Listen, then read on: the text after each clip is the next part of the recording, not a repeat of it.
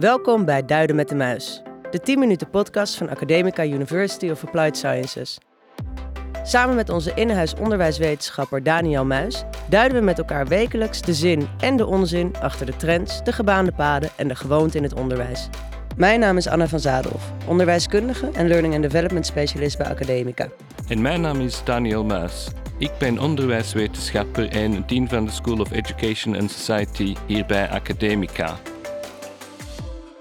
Daniel, welkom terug in de podcaststudio. Dank je, Anna. We gaan het uh, deze week uh, hebben over EDI, expliciete directe instructie.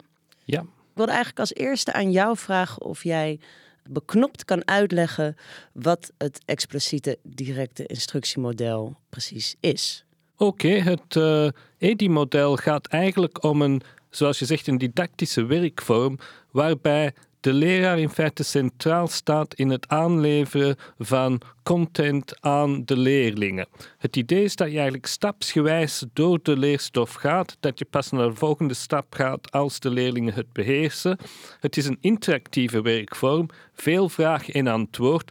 Controle van begrip staat daarbij ook heel erg centraal, maar het kenmerkende van EDI is dat het gaat om leraargestuurde instructie en niet leerlinggestuurde instructie.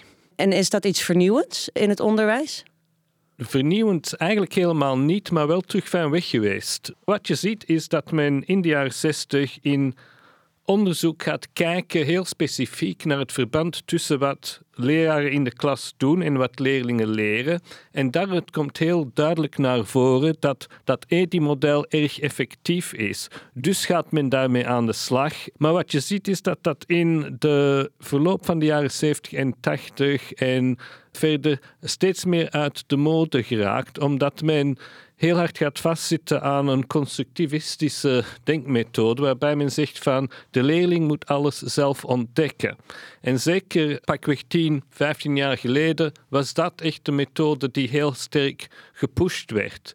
In de laatste decennia hebben we eigenlijk EDI dus zien terugkomen van weg geweest, omdat we dus zien dat het effectief is en omdat we zien dat het overeenstemt met de principes uit de cognitieve psychologie, hoe we leren en daarom gebruikt men het nu steeds meer terug. Dus eigenlijk in de jaren 60 in het onderwijs was het de standaard om een expliciet direct instructiemodel te gebruiken. Grotendeels. En toen is dat verminderd naar een meer kindgericht ja, klopt, instructiemodel. Klopt. Ja. En nu komt dat weer terug. Wat is een kindgericht instructiemodel?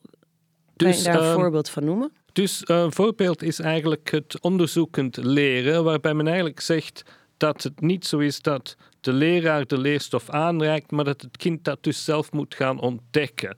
En daar zitten heel wat moeilijkheden aan, omdat het heel moeilijk is om dingen te begrijpen en te ontdekken als je geen voorkennis hebt. Dan is het heel moeilijk om te onderscheiden wat zin is en wat onzin is. Het is ook soms moeilijk om de informatie goed te begrijpen. Dus dat werkt niet goed als we geen voorkennis hebben.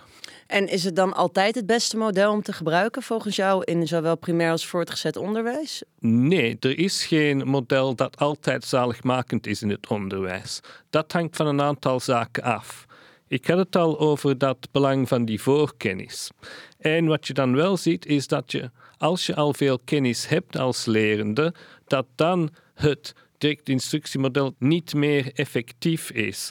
Dat is wat ze noemen het expertise reversal effect. En dat wil zeggen dat als ik al veel kennis heb, dan kan ik beter meer onderzoekend aan de slag gaan om mijn kennis te verdiepen, in plaats van alles aangereikt te krijgen. En bereik je op sommige gebieden in het primair voortgezet onderwijs dat expertise-niveau? Op specifieke domeinen wel, ja. Expertise is altijd gelinkt aan een bepaald onderwerp of een bepaald domein. En het kan best zo zijn dat je inderdaad zelfs al in het PO op bepaalde vlakken die expertise bereikt. Dus voorkennis is het belangrijkste Ja. aspect waarmee je kan bepalen op wat voor een expertise-niveau iemand zit. Precies. En als je denkt aan bijvoorbeeld zelfs jonge kinderen, dan denk ik dat iedereen zich wel het kind kan herinneren dat meer afweet van dinosaurussen dan ik of jij ooit zullen weten. Jij was waarschijnlijk zo'n kind.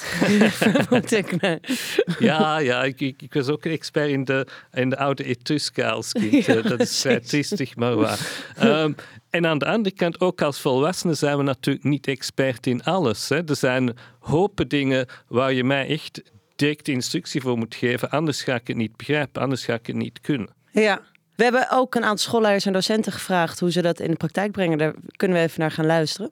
Kijk, het voordeel van EDI is dat je lesstof op kan delen in kleine stapjes. En dat je kinderen echt stap voor stap mee kan nemen in de lesdoelen, in, in hetgeen wat je ze wilt leren. En daarmee kan je ervoor komen dat ze uiteindelijk overbelast worden of dat het in één keer te veel wordt. Wat we eigenlijk uh, hebben gezegd met elkaar is dat wij EDI gebruiken bij alle lessen waarbij we nieuwe stoffen aanbieden. Dus nieuwe lesstof, nieuwe leerdoelen en niet als het om een herhalingsles gaat. Dat heeft te maken met de opbouw van de les en met een belangrijk uitgangspunt dat we hanteren dat kennis voorafgaat aan, uh, aan vaardigheden. Ik hoorde een van de docenten zeggen: je kan het opdelen in kleine stukjes. Is dat een van de voordelen inderdaad van EDI? Absoluut, ja. Want door uh, het in kleine stukjes op te delen, verminder je de belasting op het werkgeheugen. En kun je ook checken of dat ze het begrip hebben voordat je naar de volgende stap gaat. Vind je dat er op elke school zou gewerkt moeten worden met het EDI-model? Ik vind het verstandig dat dat in elke school tot het repertoire van de leraar behoort, ja. Dat wil niet zeggen dat je dat in elke les moet doen, maar het zou wel een onderdeel moeten zijn van je pakket, absoluut. Ja, het is een methode. We hebben ook gevraagd wat vinden mensen lastig aan het EDI-model. Laten we daar even naar luisteren. Wat het nog wel eens lastig maakt, is dat je soms te veel vast wil houden aan stapjes, aan uh, bepaalde structuren. En het is natuurlijk zo dat in een gemiddelde les zoveel variabelen zijn. En dat je constant moet anticiperen. En, en dat maakt het al te strak hanteren van één model lastig. Tegelijkertijd kun je de principes die eronder liggen, volgens mij heel allround uh, gebruiken. Toen ik met kleuters werkte, toen kregen wij ook het EDI-model over de schutting heen gegooid. En toen werden wij geacht om alle stappen als een checklist te doorlopen, ook bij de kleuters. En dat is wel iets wat ik ook altijd in mijn achterhoofd hou, dat dat ook wel het gevaar is van, van EDI. En um, ik zeg ook altijd heel, ja, heel plat, de eerste die met een checklist mijn klas in komt, die mag de klas uit. Want dat is niet hoe ik les geef dat vind ik inderdaad ook een probleem. Zoals in het eerste fragment daar gezegd wordt, moet je natuurlijk als professional, als leraar, je aanpassen aan de les waarin je zit en de reacties die je krijgt van je leerlingen en dergelijke meer. Je kunt niet de hele tijd aan een vast stramien vasthouden. Nu, daar zie je wel een onderscheid in tussen directe instructie en expliciete instructie. En in directe instructie volg je inderdaad een soort vaststappenplan, een checklist. Dat vind ik voor leraren in een land als Nederland, waar men goed opgeleid is, echt niet nodig. Expliciete instructie volg je de principes, maar die pas je aan aan je les. Dat wil niet zeggen dat in alle omstandigheden checklists niet nuttig zijn.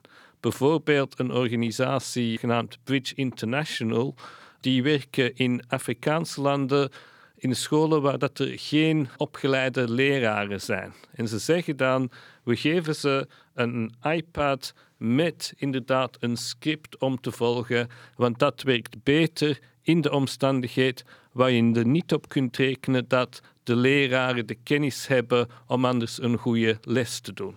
Oké, we gaan volgende week verder over online lesgeven. Heb jij nog één tip aan docenten waar ze morgen mee aan de slag kunnen met het EDI-model? Hoe ze kunnen starten of als ze er al mee aan de slag aan het gaan zijn, wat kunnen ze als tip om dat te verbeteren? Als je er morgen mee aan de slag gaat en je hebt het nog niet gedaan, begin dan bij de principes van Rosenschein. Dat is echt een heel mooie samenvatting van al de principes die aan het EDI-model ten grondslag liggen. Als je al ervaren bent met EDI, dan zou ik vooral zeggen: hou je niet te strak aan een bepaald model, maar denk er ook aan wat ik anders moet doen als mijn leerlingen al expertise hebben, hoe ik die dingen wat kan afwisselen en dergelijke meer. Het is een middel, geen doel. Klopt. En heb je een favoriet Rosenschein-principe? heb ik een favoriet Rosenschein-principe? Uh, Nee, eigenlijk niet. Ik vind ze allemaal goed. Dankjewel.